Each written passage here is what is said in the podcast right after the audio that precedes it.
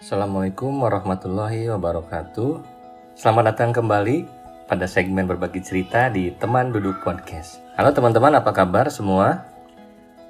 Semoga walaupun kita sekarang masih dalam kondisi pandemi, kita tetap dalam kondisi sehat walafiat semuanya.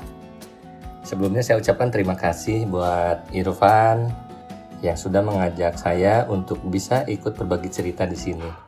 Terus terang ketika diminta untuk berbagi cerita oleh Kang Irfan, yang ada di benak saya ini adalah rasa bingung.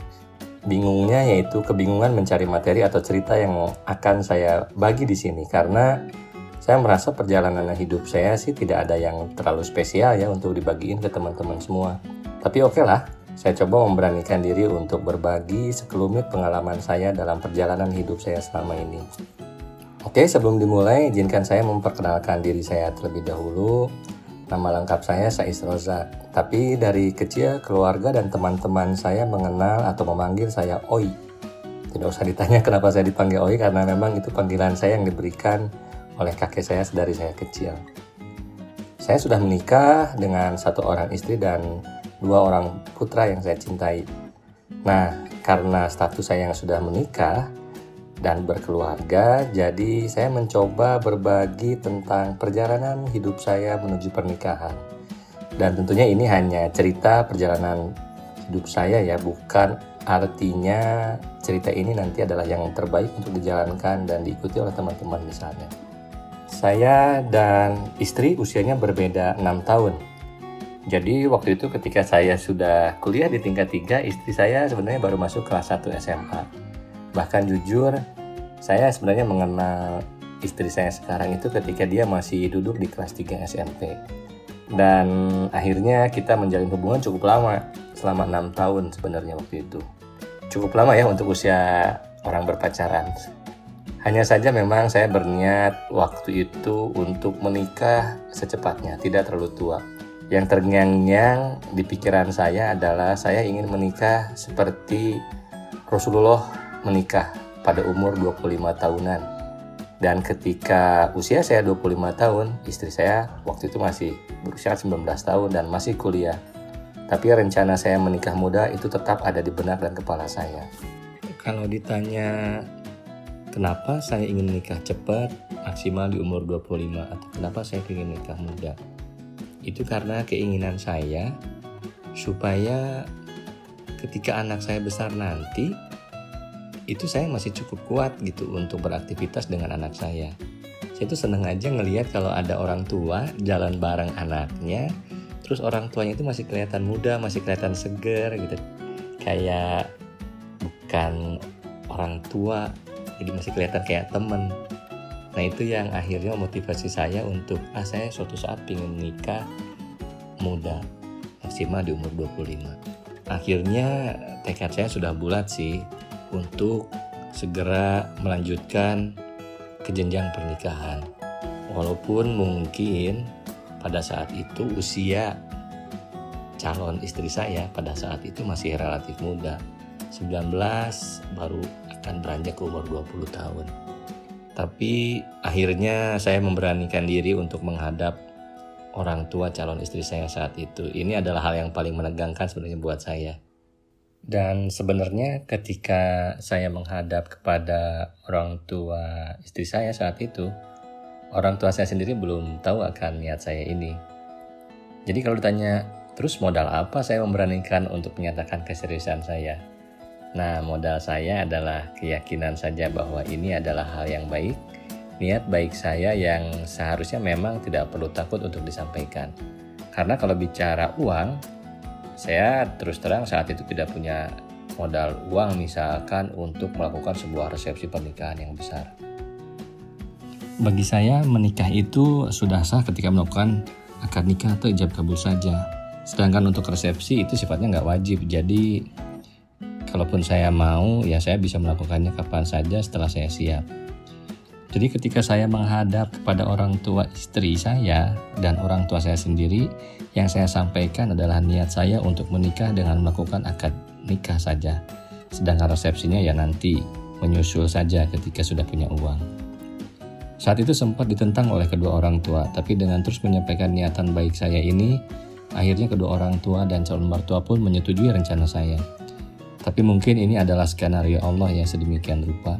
Satu bulan menjelang rencana nikah, tiba-tiba saya mendengar kabar bahwa famili dekat calon istri tidak setuju dengan rencana kita dan ingin melaksanakan pernikahan sekaligus dengan resepsi. Famili istri meminta kalau untuk mengikat hubungan bisa dilakukan tunangan saja terlebih dahulu, baru kemudian nikahan dan resepsi. Karena memang awalnya saya sudah berprinsip tidak mau dan tidak perlu melakukan tunangan, tekad saya sudah bulat untuk menikah. Akhirnya saya memberanikan diri untuk mengatakan kepada orang tua dan keluarga besar calon istri saya bahwa oke, okay, kita tidak perlu tunangan, kita tetap menikah sekaligus resepsi. Tetapi resepsi seadanya saja karena saya nggak punya uang banyak. Itu yang kurang lebih saya sampaikan saat itu. Sebenarnya ketika menyatakan kesanggupan saya untuk ngelakuin resepsi, ini jujur ngebuat saya bingung juga. Karena ya sejujurnya uang untuk ngadain resepsi ini sepertinya kurang Seingat saya, waktu itu saya cuma punya saldo tabungan itu kurang dari 10 juta atau bahkan mungkin maksimal 10 juta. Dan saya akui memang keputusan ini sih diambil tanpa berpikir panjang sebelumnya ya. Dan yang lebih ngeri lagi saat itu yaitu waktu saya untuk mempersiapkan semua. Karena saya cuma punya waktu satu bulan untuk mempersiapkan pernikahan saya ini. Karena apa? Ya karena bulan depannya itu itu udah masuk ke bulan Ramadan atau bulan puasa. Karena sudah terlanjur diucapkan ya nggak mungkin juga lah saya mundur gitu ya. Jadi akhirnya ya sudah hampir setiap hari saat itu kegiatan kita diisi dengan jalan-jalan untuk mempersiapkan semuanya. Mencari gedung, baju pengantin, riasan, catering dan lain-lain. Pokoknya benar-benar mulai dari nol.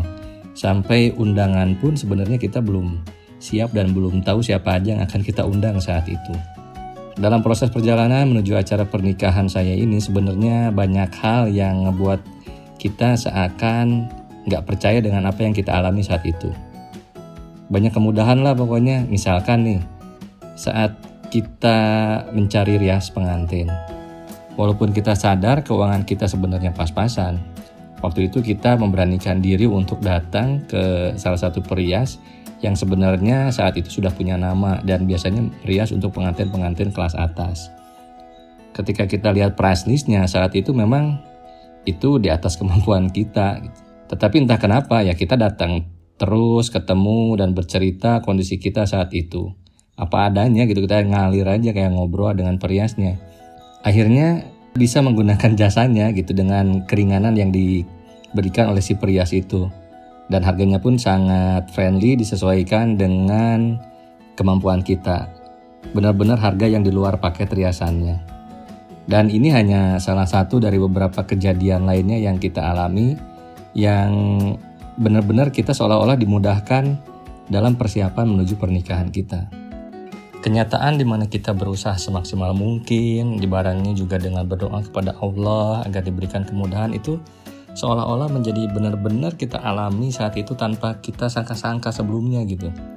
Selain itu, kalau ada pepatah bahwa silaturahmi itu memudahkan rezeki, ini pun sangat kita rasakan banget saat itu.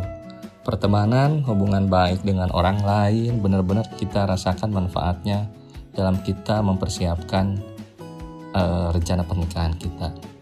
Dan walaupun dengan persiapan yang hanya satu bulan, mulai dari undangan, gedung, catering, dan lain-lain, acara pernikahan dan resepsi akhirnya bisa kita lakukan dengan lancar. Walaupun resepsi kita bisa dibilang sederhana, tetapi kita sendiri nggak percaya bahwa resepsi ini bisa kita lakukan. Alhamdulillah. Teman-teman, akad dan resepsi pernikahan itu paling lama acaranya adalah 6-8 jam apalagi kalau di dalam gedung. Tapi kadang kita suka stres banget nggak sih untuk persiapannya? Ada yang nyampe 6 bulan, bahkan satu tahun untuk mempersiapkan acara resepsi pernikahan yang akan kita jalani. Seringkali juga kita suka sadar nggak sadar menunda pernikahan kita karena hal ini. Karena kita belum bisa melakukan resepsi. Padahal momen yang merubah status kita menjadi pasangan yang sah itu adalah ketika kita mengucapkan ijab kabul di depan penghulu yang kadang prosesi keseluruhannya sih nggak nyampe 30 menit. Kita memang terkadang lebih lama mempersiapkan sebuah resepsi yang hanya berjalan setengah hari dibandingkan kita mempersiapkan kehidupan yang akan kita jalani setelah menikah atau setelah selesai resepsi itu sendiri yaitu kehidupan kita bersama istri dan keluarga.